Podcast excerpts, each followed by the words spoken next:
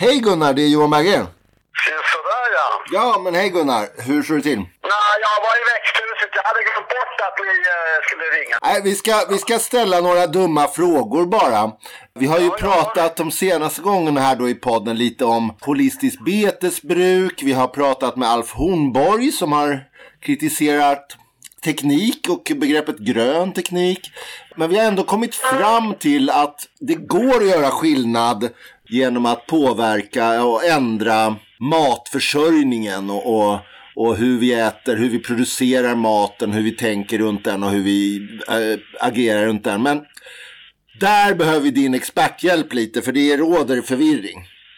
Ja, ja, det är så. Det råder det jag med om. Ja. Om jag kan göra allting klart, det Nej, vet jag inte. Men jag det- kanske kan ge lite ledtrådar. Lite ledtråd. Till exempel så tittade jag så, så såg jag i mitt flöde på eh, sociala medier plötsligt att ja, om vi bara alla i världen slutar äta kött, då klarar vi det här med klimatet. Och jag, det ringde lite klockor i bakhuvudet för att jag har väl ändå läst att det inte riktigt är så enkelt. Men då tänkte jag att det här har ju eh, Gunnar både skrivit, tänkt och skrivit om rätt mycket. Och då ställde jag frågan, hur är det med det där? Kött versus vegan, är det verkligen det Som stora avgörandet? Som ett enskilt påstående så är det ju helt fel att säga att vi klarar klimatet genom att sluta äta kött. Det, Mm. det, det, det påverkar inte alls tillräckligt mycket de stora utsläppsminskningar som vi behöver göra. Det, det är helt fel. Innan man går där och håller på att ställa dem mot varandra så måste man vara klar över att huvuddelen av alla växthusgasutsläpp i världen kommer från fossila bränslen och Ja. andra aktiviteter än, än maten. Så att oavsett hur smarta vad vi gör med maten så räddar det oss inte från, eller eh, befriar det oss inte från en annan eh, omställning som antagligen är betydligt mer plågsam och svår än, än valet på tallriken så att säga. Ja. och det tycker jag är väldigt viktigt att man har det klart för sig. Ja. Det, är på, det är så stora överdrifter om matens betydelse. Den är betydelsefull och jordbruket som sådant är extremt betydelsefullt för hur vi sköter planeten. Men eh, just med klimatutsläppen är kanske inte den viktigaste frågan för jordbruket.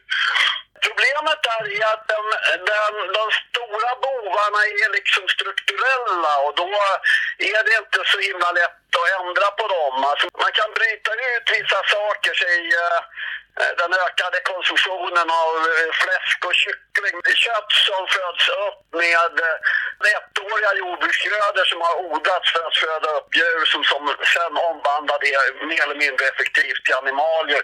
Det, är, en- det är en strukturell fråga som egentligen drivs av en enorm överproduktion av spannmål i världen. Ja. Och den spannmålen måste ta vägen någonstans så att säga. Ja. Och då är det smart ur jordbrukets synpunkt antingen göra biobränslen eller göra fö- föda upp djur med det eller att folk slänger mycket mat, vilket man ju också gör. Så den lågt hängande frukten det är till exempel att minska matsvinnet. Det är den Ja. absolut minst eh, lägst hängande frukten. Men samtidigt får man inse att det ligger helt och hållet både i jordbrukets och livsmedelsindustrin och handelns intresse att vi köper hem mer mat än vi äter upp. Va? Så det är Ja. väldigt starka ekonomiska drivkrafter som ligger bakom matsvinnet. Plus att mat har blivit så löjligt billig för stora delar av världens befolkning att, att det spelar ju ingen roll så att säga att jag slänger mat. Eh, Man kan väldigt tydligt se det att jag har jobbat i Afrika med fattiga människor och trots att de inte har ett kylskåp överhuvudtaget så är deras matsvinn i hushållsnivå extremt mycket lägre än vad våra svinn är. Och de som svänger mest är faktiskt de som har störst kylskåp. Ja. och det är väl en bra indikation på vad Alf Hornborg pratar om, att grön teknik är kanske inte det vi behöver mest av. Men det här med köttproduktion och överhuvudtaget djurhållning. När man läser vad du skrivit så finns det ju gärna ett starkt argument för att, att man inte bara kan sluta med det och så få enorma vinster som det ibland låter. Utan mm, tvärtom nästan. Ja, det är, det är för förenklat helt enkelt. Och det här, dels är det också besvärligt därför folk blandar globalt och lokalt och regionalt väldigt mycket. Och ser vi historiskt sett så har ju folks kost varit väldigt olika i olika delar av världen och det finns liksom skäl till det. Det finns skäl till att de är extremt tättbefolkade floddalar med konstbevattning i Asien ägnar sig åt en vegetarisk kost med, med fortfarande med inslag av animalier, men med ett Mm. betydligt lägre inslag av animalier än vad vi har gjort i Sverige, där vi har helt annorlunda jordbruksförutsättningar, klimatförutsättningar och är, relativt glesbefolkade. Och, och sen finns det andra glesbefolkade områden som också är varma, som ökenområden och sånt där. Där har ju animalisk produktion varit den enda produktion som går att genomföra. Ja. Det tänker inte, alltså det pratas om att animalier förbrukar så mycket vatten, men den som säger det får ju då samtidigt förklara hur kommer det sig att i världens torraste områden så pågår enbart köttproduktion eller mjölkproduktion och ingen vegetabilisk odling annat än möjligtvis dadlar och cashewnötter. Och det beror helt enkelt på att djuren är mest effektiva under de här svåra förhållandena. Ju kallare, ju eh, torrare, ju mer bergigt det är, desto mer intressant blir djur och framförallt då betade djur. Mm, mm. Det, det som den stora förändringen vi har idag, dels är att livsmedelssystemet har blivit globalt. Alltså folk äter ju inte mat som har något sammanhang med var de, var de bor längre. Nej. Kosten blir mer och mer densamma. Och det andra är det jag pratade om, att man har drivit på ett sådant enormt överskott av spannmål med hjälp av konstgödsel framförallt. Ja, just. Att det har blivit så billigt att föda upp kyckling och gris. Det är inget fel på de djuren. Det är, det är väldigt fina djur och de kan passa fantastiskt väl i ett resursbesparande livsmedelssystem genom att ta vara på restprodukter som vi ändå inte vare sig vill eller kan äta. Det finns ju gott om forskning också som visar att en 100% vegansk diet är ju inte det mest effektiva för att producera mat ifrån åkermarken. Nej. För hela livsmedelssystemet har mängder av eh, restprodukter, socker, mjöl, havremjölk, tofu, öl. Alla vegetabiliska oljor producerar djurfoder som biprodukt. Och skulle alla äta veganskt så skulle vi få stänga de här biprodukterna eller Mm. elda dem eller göra, göra kompost eller något annat på dem. Och det är definitivt mycket mer effektivt att köra dem genom djuren. Ja. Jag tycker det är superspännande att bryta upp den här dikotomin mellan kött och veganism eller så. Ja. Det är väldigt spännande att öppna upp för en analys utav massor av faktorer som du gör. Det jag har tänkt på, det som, det som är kvar hos dig när man gör det, det är ändå dikotomin globalt-lokalt. Den känns som väldigt organiserande för vad som är rätt att, och riktigt att äta. Ja. Är det lokalt odlad och producerad mat som är liksom den nya tumregeln? Eller kommer det i framtiden kunna finnas vissa varor som fortfarande kan cirkulera globalt i jordbrukssystemet? Ja, jag, jag tror att tumregeln, ja, då är det liksom globalt eller lokalt, regionalt man ska tänka sig. Det betyder ju inte att, vi, att det finns något, eh, åtminstone inget miljömässigt, eller egentligen inget större skäl till att säga att det ska gälla liksom 100% av maten. Det, det kan man ju välja om man vill, men det, det viktiga är att det gäller en absolut huvuddel av maten, säg 90% eller 80% eller någonting i den stilen. Det, det tror jag liksom är det man ska rikta sig in. Sen om man ska skeppa kaffe, eller jag menar det skeppas ju väldigt mycket lyxprodukter kors och tvärs över världen som vi ju inte eh, strikt sett behöver.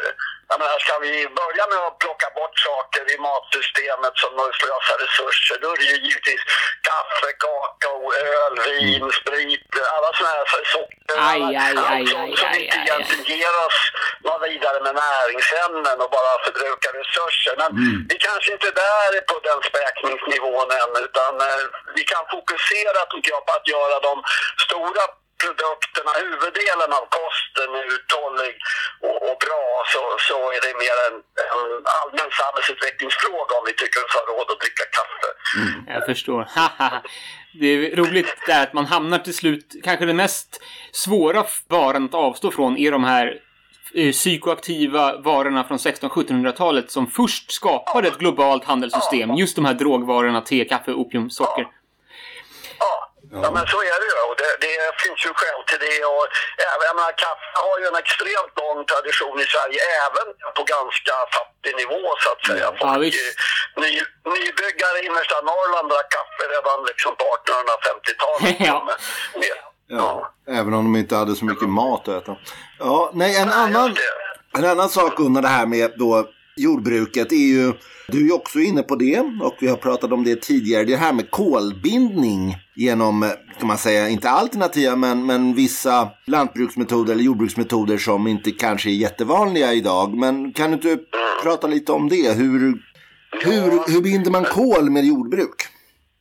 Ja, man kan väl säga så här att den första uppgiften då att, att inte förlora kol. För det är fortfarande så att ganska stora delar av eh, jordbruket i världen drivs på ett sätt där man faktiskt konstant förlorar kol. Alltså mm. kol är det organiska materialet, mullen i jorden så att säga, är det som är kol. Och när man plöjer upp betesmarker och grässtäpp som prärien och såna här pampas och såna här saker. Mm. När man plöjer dem så börjar man ofrånkomligt bara genom bearbetningen förlora kol och detsamma när man hugger ner skogsmark och, och röjer för, uh, för åkerbruk. Eftersom i Sverige där vår största, jordbrukets största bidrag till växthuseffekten är, är ju kolförluster från de så kallade organogena jordar, ja. alltså mulljordar. Det, där bedrivs ju åkerbruk och när man driver åkerbruk så så riskerar man att bryta ner mull. Så att mm. för vanlig växtodling så handlar det mest om att liksom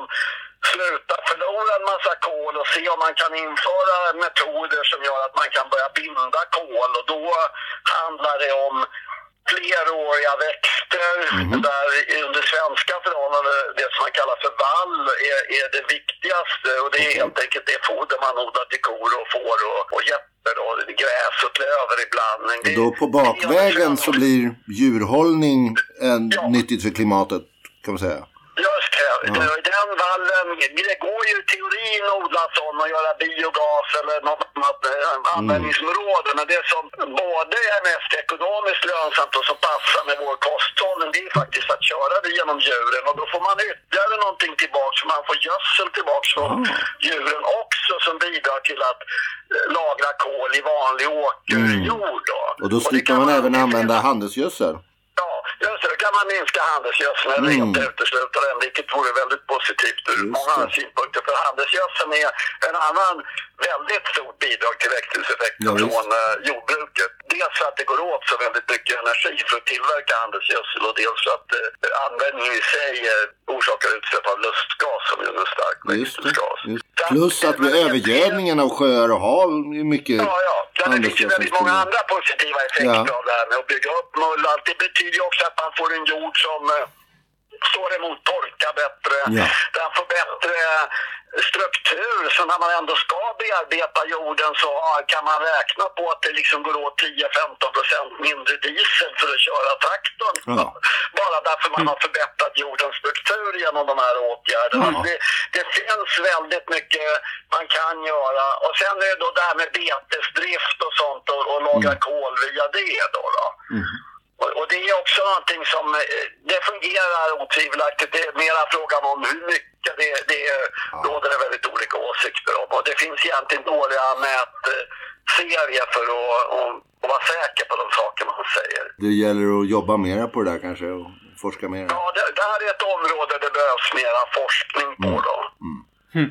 Men generellt sett på åkersidan Eh, återförsel av så mycket organiskt material som möjligt, fleråriga grödor. Det är de viktigaste och, och användning av gödsel och kompost och mm, sånt där. Men det är återförsel av organiskt material. Det, det är de viktigaste sakerna ja. man kan göra. Och minska, minska jordbearbetning spelar också en roll, men inte fullt så stor roll som en del verkar tro, men det spelar roll. Mm.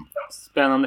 Jag kan bara slås av hur både du och Hornborg ni har rört det på något sätt genom en kritik utav industrijordbruket och sen så en kritik mot de lösningar av monokulturellt sojajordbruk till exempel och, och världshandelns egna problem också när det gäller vegansk kost. Till att nå ja, slutsats... det är ett lika stort problem där som det är med djurhållning, om inte större. Mm. Ja, precis. Och det ni båda landar i någonstans, mm. det är att ja, framtiden kommer väl närma sig så vi brukade jorden 1750. Ja, jag menar, det är många som säger vi kan inte gå tillbaka, men alltså det finns ju starka skäl till att jordbruket utvecklades på de olika sätt. Det gjorde i olika delar av världen och det jordbruk som vi drev i Sverige alltså 1850 eller 19, fram till 1950 nästan var, var relativt uthålligt. 1750 så hade Sverige fortfarande ganska mycket sånt där ensidigt eh, spannmålsbruk och hade inte gjort det man faktiskt gjorde under 1800-talet som var att på ett smart sätt integrera djurhållning och växtodling. Ja, ja, ja. Det var faktiskt en, en, en jordbruksteknisk revolution fast utan massa maskiner. Det var att man förstod att vi kunde skapa, vi kunde få mer mat både av animalisk och vegetabiliskt ursprung genom att blanda det här på, i, i jordbrukssystemet. Tidigare var liksom åkrarna heliga för att odla spannmål, man odlade bara spannmål men det gav så dåliga skördar så man var tvungen att låta jorden ligga och vila ett eller två år. Och sen odla spannmål igen och djuren fick bara gå på skogen och de eh, halvsvalt sig genom vintrarna och gav ganska lite gödsel. Och det här ändrade man på under 1800-talet och skapade ett extremt produktivt jordbrukssystem. Bra poäng. Viktig poäng. High agriculture är också en, en utveckling Ja, som... det, eh, Jag menar, det handlar ju hela tiden också om utveckling. Vi ska inte tro att det, dels är vi dubbelt eller tre gånger så många som vi var på 1800-talet och, och dels så finns det ju mycket nytt och bra man kan lära sig att ta, ta rätt på. Det, det som jag ser som mest spännande är, eh, Eh, det är ju allt det som händer i själva jorden där vi faktiskt det är ju paradoxalt. Vi har liksom kartlagt våra gener, apornas gener och råttornas gener och avelns gener. Men på jorden har vi nästan bara skrapat på ytan. Alltså vad som egentligen händer där nere, det vet vi ju väldigt lite om.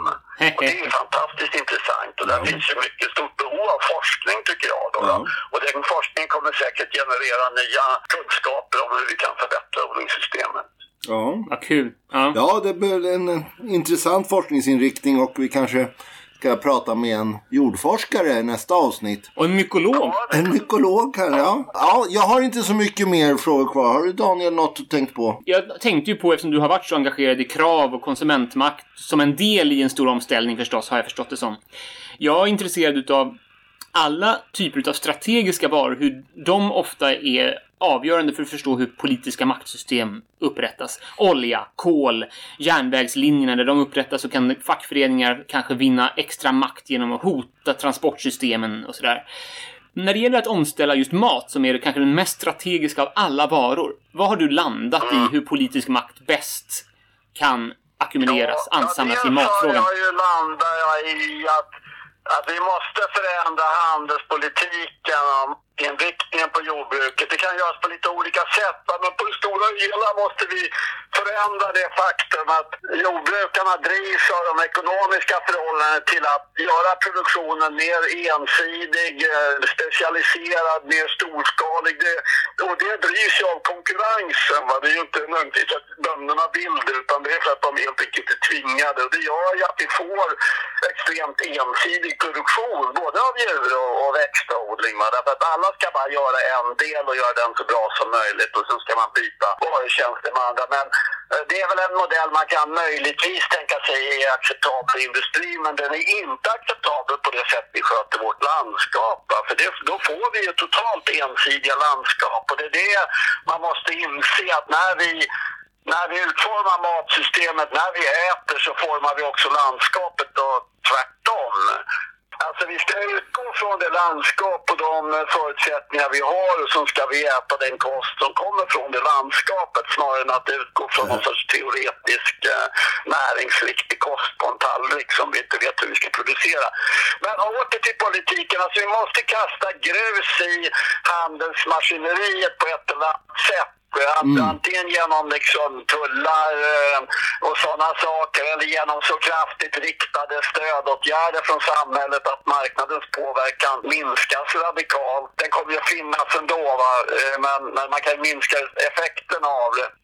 Även att eh, jobba med att skapa nya relationer. Jag, jag tänker i termen av eh, relationsmat snarare än något annat. Alltså vi, vi inser att mat är, en, eh, är ett sätt både att upprätthålla relationen mellan den som brukar jorden och den som äter, men också med naturen i stort. Därför att jordbruket är, i Sverige också jord och skogsbruk, är ju liksom de verktyg vi har till att eh, ta hand om större delen av naturen. Så hur vi sköter dem är helt avgörande för utvecklingen av andra arter och vårt liv på jorden. Och, och där måste vi marknaden klarar ju inte alls av att dirigera de här sakerna. Nej. Sen finns det då enskilda stödåtgärder man skulle kunna tänka sig.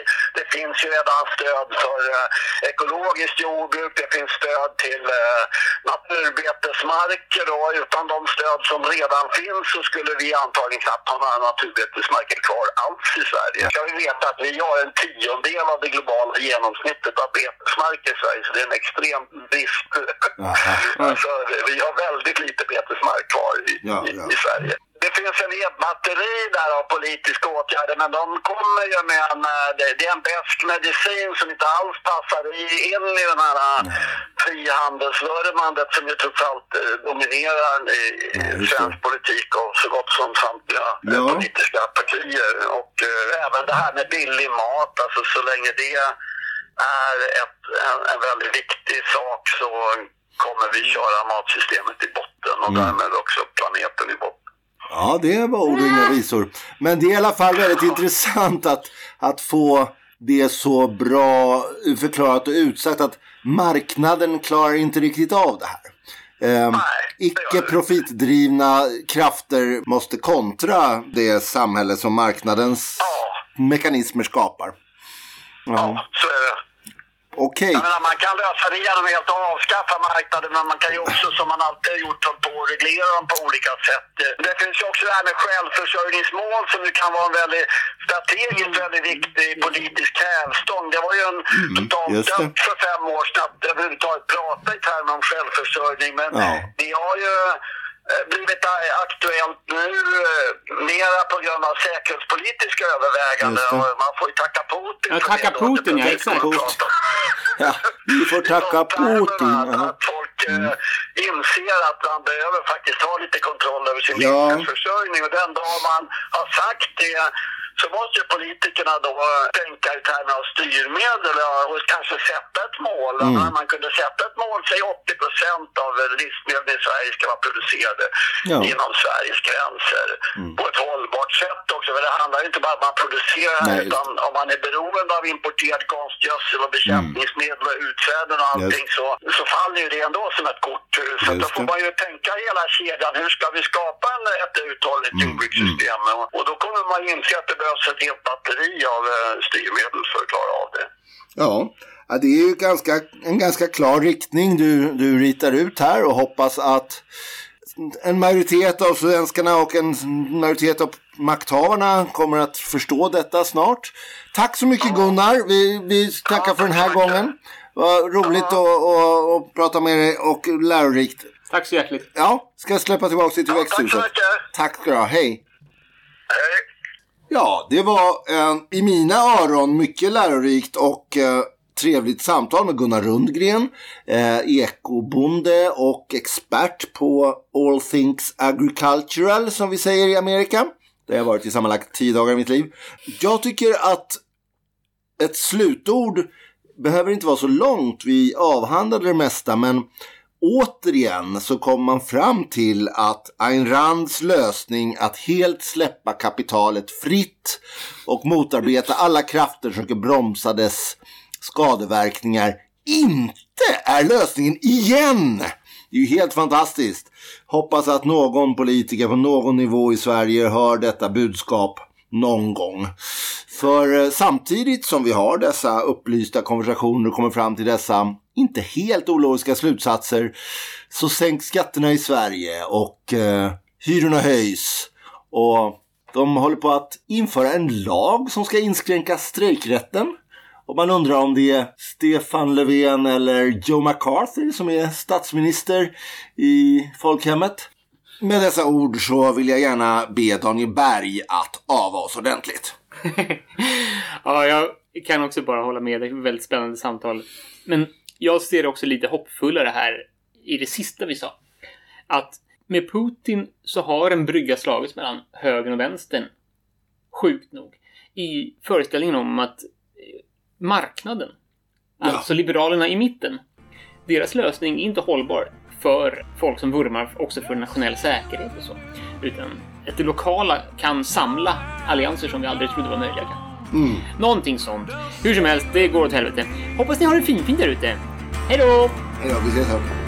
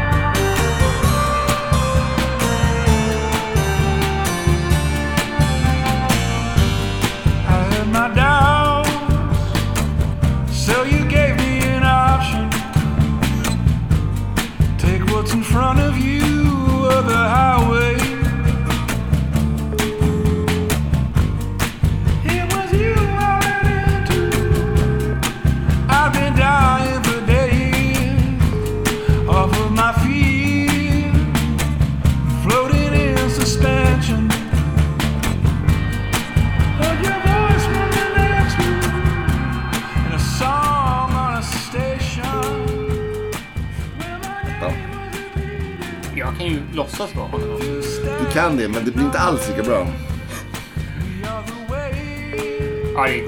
Välkommen till Telia Mobilsvar. No. Tala in ett meddelande efter tonen. Ja. Don't